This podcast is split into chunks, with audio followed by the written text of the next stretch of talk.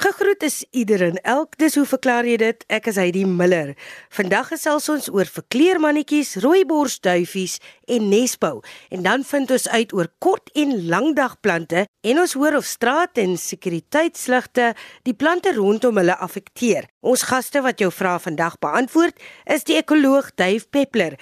Hy's 'n navorsingsvernoot by die Sentrum vir Indringerbiologie aan die Universiteit van Stellenbosch ook buitengewone lektor by die Stellenbosch skool vir publieke leierskap. Dan het ons ook die dierkundige emeritus professor Lefras Mouton, navorsingsvernoot verbonde aan die departement plant en dierkunde aan die Universiteit van Stellenbosch. Ons begin met 'n vraag wat Lefras ontvang het van Tia Brandt van die Strand. Dis 'n lang brief wat ons van haar ontvang het, maar ek verkort dit net vir jou.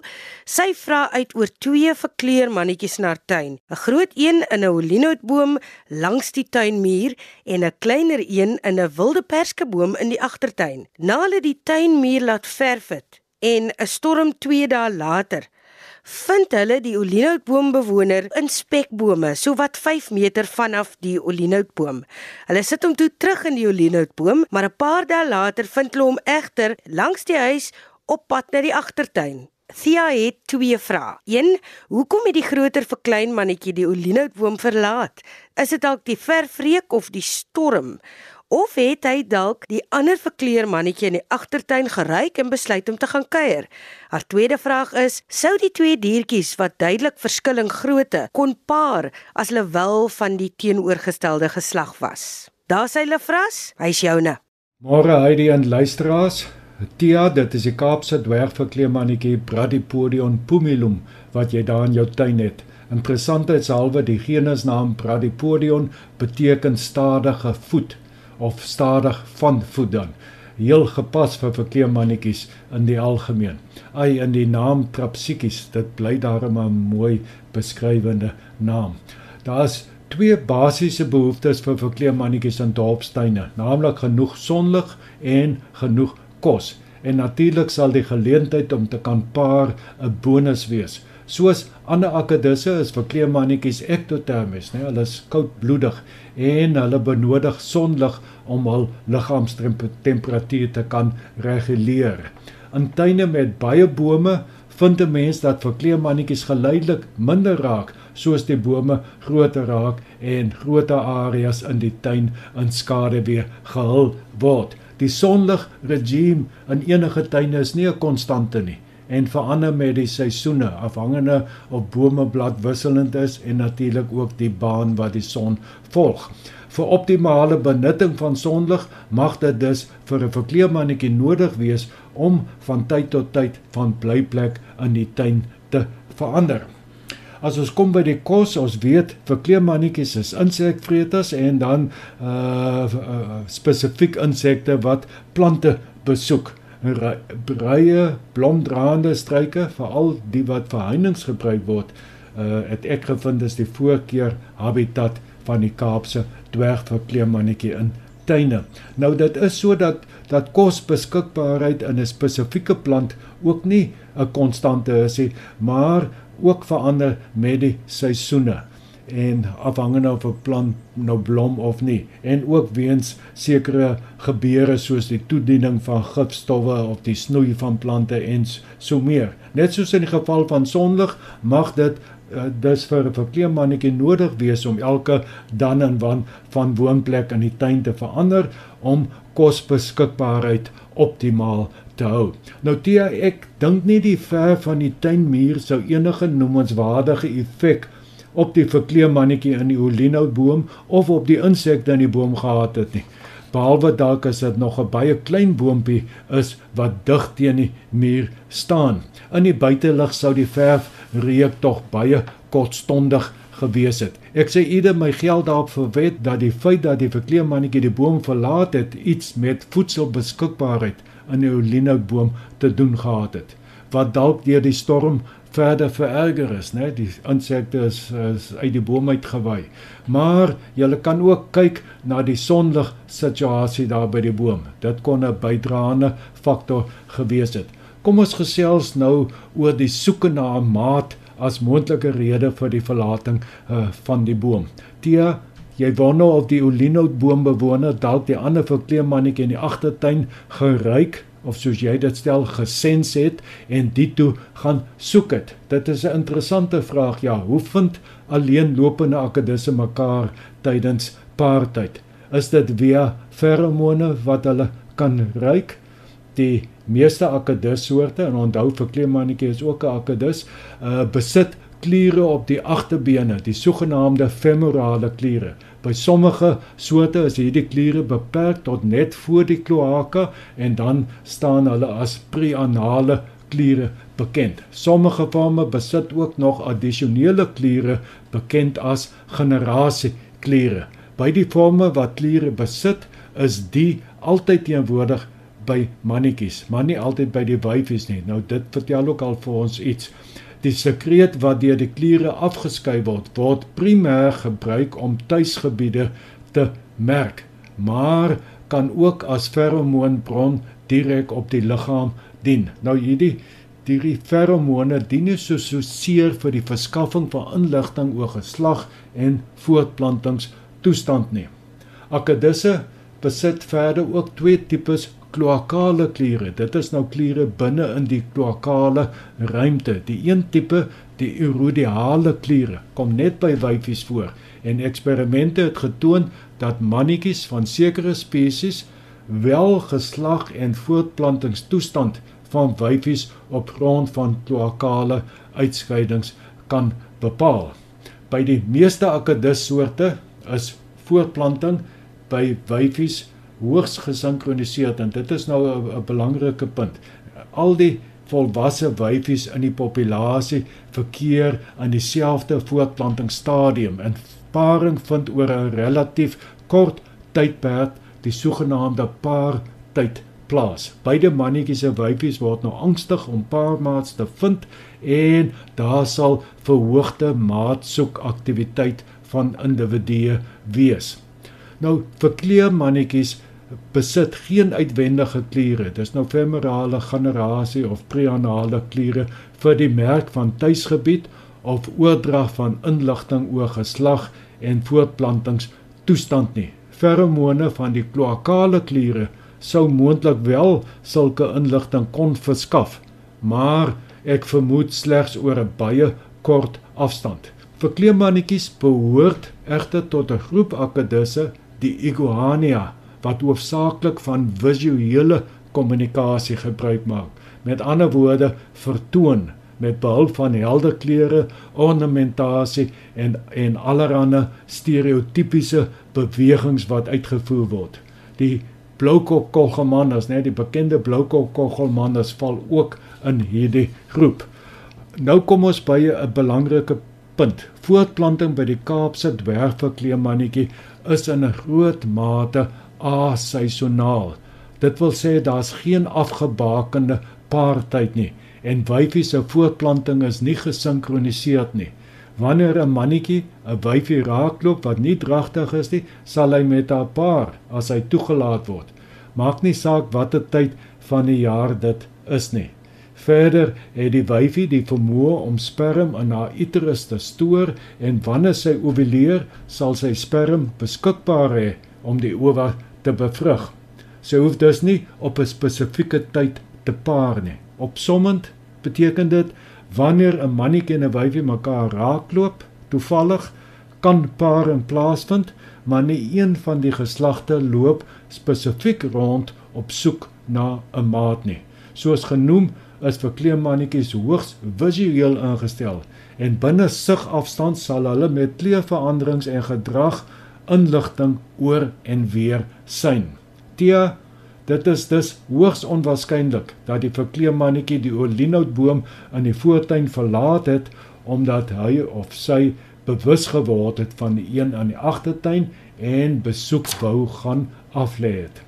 Jy wil ook weet of die twee uh suksesvol sou kon paar al verskil hulle in liggaamsgrootte. Dis nou as dit nou 'n mannetjie en 'n wyfie sou wees. Nou vir kleemmannetjies, beide mannetjies en wyfies word so geslagsryp ongeveer uh 45 tot 55 mm snoet kloaka lengte, net met die punt van die snoet tot by die agterbene. Volwasse diere kan 'n snoet kloaka lengte van tot 80 mm bereik. Uh so daar kan 'n groot verskil wees in liggaamsgrootte van volwasse diere. Ek voorsien egter nie noemenswaardige probleme met paring tussen individue van ongelyke liggaamsgrootte nie. Ja, 'n onwillige groot wyfie mag sake moeilik maak vir 'n klein mannetjie, maar as hy vasbyt, uh, sal hy die ding kan doen. Dankie vir jou lekker brief, Tia, en ek hoop julle gaan nog baie plesier uit die verkleemannetjies in jul tuin kry. Baie dankie Lefras Meton, Dave Peppler sit gereed om sy vraag te beantwoord wat hy ontvang het van Anne Marie Jansen. Ek lees dit eers. Ek gou die rooi borsduifies dop en merk dat hulle al vroeg woelig raak. En dit was nog nie eers lente nie. My vraag is, na paring, hoe weet die mannetjie dat hy moet begin nesbou om gereed te maak vir die wyfie om eiers te lê? En dan twee, ek weet daar is kortdag en langdagplante wat blom na mate hulle die regte hoeveelheid lig ontvang het. My vraag is nou, Wat van al die straatligte en sekuriteitsligte wat ons deesdae om ons huise gebruik, het die ligge invloed op die plante rondom hulle? Ek groet jou Heidi, my kollegas en die luisteraars. Nou Anne Marie, dis werklik 'n baie interessante vraag, maar om beide jou vrae te beantwoord, moet ons eers na 'n interessante aspek van die lewe op aarde uh, ondersoek. En dit is die van sirkadiese ritmes, die Engelse circadian rhythm, 'n natuurlike en interne proses wat slaapwakker siklusse beheer en dit herhaal op 'n naaste by 24 uur siklus. Hierdie ritmes word ehm um, aangedryf deur 'n sirkadiaanse horlosie wat waargeneem kan word by plante, diere, fungi en selfs by sommige bakterieë. Hierdie ritme word beheer deur 'n pragtige Duitse woord, Zeitgebers, lig uh, of tydgewers en dit kan lig en temperatuur wees byvoorbeeld. Vroeg reeds hier by 1729 het de Mercan, 'n Franse wetenskaplike, gevind dat uh, die bekende plantjie Mimosa pudica Almal ken hom as die sensitiewe plantjie. Hy het sulke fyn vertakte blaartjies en as jy aan hulle raak, dan gaan hulle toe. Maar hulle gaan ook in die nag 'n normaalweg toe en hy het uitgevind dat indien jy die plant in konstante donkerte hou, dan sal hierdie ritme voortduur vir 'n tyd.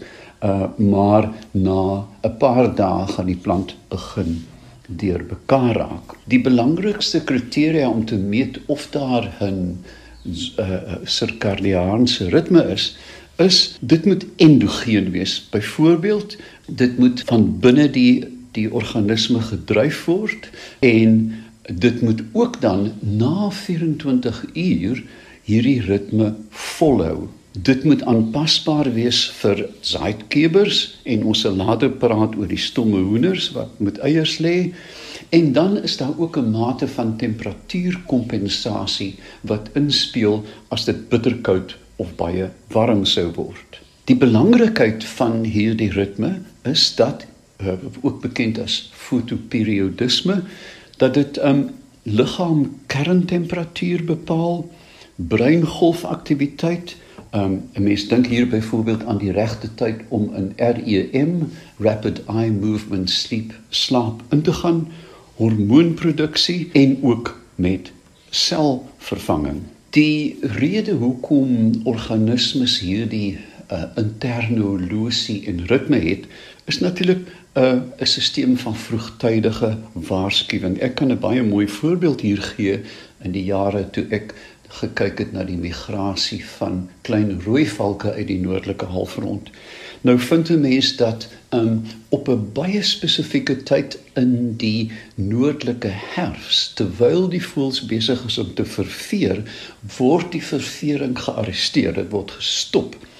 Die rede is baie goed, jy kan nie met vrot vere Kaap toe vlieg as jy in Rusland woon nie. Die liggaam weet dat ek moet nou die ververing ehm um, haltroep. Dit kan in die suide voortgesit word, maar nog meer belangrik, so 6 weke voor die vlug van die voels begin hulle ekstra vreet en bou so in die orde van 30% liggaamsgewig op 30% meer en dit buffer hulle natuurlik teen die ekstreme fisiologiese koste van vlieg en natuurlik ook die in die metabolisering van vet word water vrygestel met ander woorde hulle het ook dan 'n verlaagde behoefte aan water. So dis 'n pragtige voorbeeld van hoe organismes voor die tyd al gewaarsku word deur die horlosie dat hulle iets moet doen of iets moet aanpak. Die gevolge van verstoring as jy dit 'n mens se slaap sal onthou, dis een van die klassieke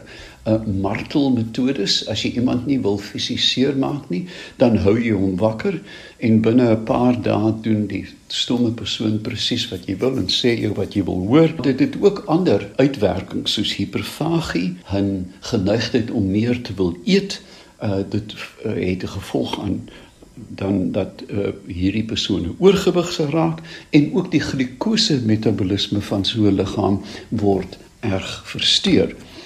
By plante natuurlik weet 'n mens dat hierdie interne horlosie bepaal die blomseisoen, blaarbewegings, dink hoe aan hoe sonneblomme byvoorbeeld die die son sal volg, groei, ontkieming, fotosintese en baie baie interessant, die loslaat van geure. En hier kan ek aan geen mooier voorbeeld dink as die fabelagtige blom hier wat ons in die Kaap het, 'n Pelargonium, 'n malva met die naam van Pelargonium truste. Dis 'n absolute asfaal blommetjie, ehm um, gewoonlik liggrys, bietjie roomkleurig, soms effe pers wat na donker, jy kan sit en wag by die blom, na donker, skielik word die geur oorvloedig vrygestel. En dit beteken dat daar 'n naglewende insek, dan vermoedelik 'n mot is wat uh, baie spesifiek daardie blom sal bestuif. Dit is ook interessant, net toevallig, ek weet van 'n groot ehm um, groep van hierdie plante en dat die oomblik as hulle begin blom, vreet die uistervarke die blom want hulle kan dit in die nag ruik. So daar's 'n pragtige klein skakel na 'n happy as jy net die geur volg. By mense natuurlik is dit ook belangrik en ons sal later 'n bietjie gesels oor die verwarring wat tydsones veroorsaak, die sogenaamde straaldwaal, maar ehm um, dat hier die liggaamstemperatuur, die kerntemperatuur wissel gewoonlik oor 'n 24 uur tydperk met die laagste kerntemperatuur hier om en by 5 uur in die oggend. Nou, dis ook interessant as 'n mens dit goed bestudeer, dan vind jy uit dat vrouens is geneig om vroeër, 'n uur vroeër wakker te word en in die algemeen gesproke is hulle oggendmense waar mans 'n bietjie later wakker word en eers na middagete kry hulle hulle ware ritme. Nou die biologiese merkers wat ons kan meet as uh, verteenwoordigend van hierdie stelsel is natuurlik melatonien. Nou teen 9uur in die aand normaalweg word melatonien vrygestel in die brein en dan word jy vakerig. Nou ons weet dat as jy veral as jy na die ooste toe vlieg, dan vlieg jy teen die tyd in en jou dae se ritme word erg ehm um, versteur. Ek het nou al oor die jare heen omdat ek redelik baie vlieg, uh, 'n stelsel uitgewerk dat 'n dag of 3 voor jy vlieg, begin jy melatonien drink op die tyd wanneer jy aan die ander kant sou gaan slaap. En sodoende kan ek my my straaldwaal met dae, etlike dae beperk um, of byna elimineer en net uh, as nog 'n wenk as jy ooste toe vlieg moenie gaan slaap as jy aan die ander kant aankom nie. Bly wakker tot die normale tyd wat die aand aanbreek. En tweedens kry son op die vel. Dit uh, ver, versnel die ritme die interne ritme baie baie vinnig dan Die ander biologiese merker wat ons al oor gepraat het, is die die kerntemperatuur van die liggaam wat ongeveer teen 5:00 die oggend op sy laagste is. En dan natuurlik kortisol vlakke. Nou, ons weet dat kortisol is 'n ehm um, spanningshormoon en ons weet ook dat in die nag kortisol vlakke gewoonlik dramaties val en dit dra by na 'n goeie nagrus. Uh interessant genoeg daar is sekere mense en ek is een van hulle wat oor 'n leeftyd heen die sogenaamde middagslaapie probeer net waar ek kom die die Engelse praat van die power nap. Dit is 'n slaapie waar jy in die middel van die dag um 'n lêplek kry en dan vir 'n halfuur of 40 minute slaap. Ek kry dit reg om selfs in REM slaap in te gaan in so 'n slaapie en dit is uh, baie goed bewys dat dit stresvlakke verlaag en ook produktiwiteit stimuleer. So Anne Marie, die natuurlike ligsiklusse is die baie belangrike drywer van plant en diergedrag. Meng jy nou kunsmatige lig in hierdie resep in, kan jy jou indink dat dit hewige verstoring en verstoring kan veroorsaak in lewende organismes. Ons weet byvoorbeeld dat in stede waar daar ambiente lig is, dat die oggendgesang van voëls in die orde van 'n uur vroeër is want hulle voel die hemel, jy weet ek kan al sien en ons het al 'n paar maal gepraat oor die ehm um, die rangorde van sang in die oggend en ons weet nou dat voels wat die beste kan sien uh sing eerste want dit help nie jy sit en sing 'n pragtige dinkie en iets vreet jou op want jy het nou jou sitplek weggegee nie. So, ons weet ook dat in gebiede waar daar groot insekbevolking is, dat miljarde insekte so uh, om die lug te vrek en vasgevang word. Dit vorm natuurlik ook weer 'n voedselbron vir ander diere. Maar so, ons weet insekte vrek, voëls sing vroeër En natuurlik daar is 'n baie ernstige probleem met voëls wat in die nag migreer wat dan aangetrokke is tot die lug en so met geboue en mensgemaakte strukture bots. Ek gaan nie spesifiek praat oor die duifie en en die nesbouer nie, maar ek dink dit is duidelik hieruit dat ja, dit is hierdie ingeboude horlosies wat bepaal wanneer die mannetjie sal besluit wanneer hy moet nesie bou, wanneer hy moet paar, wanneer hy gereed is om te paar. Um en so die ganse wêreld, net die net die wêreld van die duif nie, die wêreld van die hoender wat onder konstante lig regimes aangehou word sodat hulle aanhou lê. Ons wêreld is deurweek van kunsmatige lig en ons het al begin aanvaar dat die die vreemde gedrag van diere en plante normaal is, maar dit is nie. Dit word ernstig beïnvloed deur mensgemaakte lig. So, ek hoop daar is nou helderheid in hierdie donker saak. Wel dit dan vandag se hoe verklaar jy dit program. Dankie aan emeritus professor Lefras Meton en Duif Peppler. Aanstaande week is ons terug met nog 'n paar verklaringe, maar intussen kan jy vir ons skryf. Jy's meer as welkom. Die adres is hoe verklaar jy dit posbus 2551 dis Kaapstad 8000 of jy kan jou vrae rig aan Heidi by rsg.co.za. Gaan laai ook gerus die hele program af in MP3 formaat by www.rsg.co.za. Klik daar op die potgooi skakel. Van my kant uit die Miller en die hoe verklaar jy dit span groet ons tot 'n volgende keer.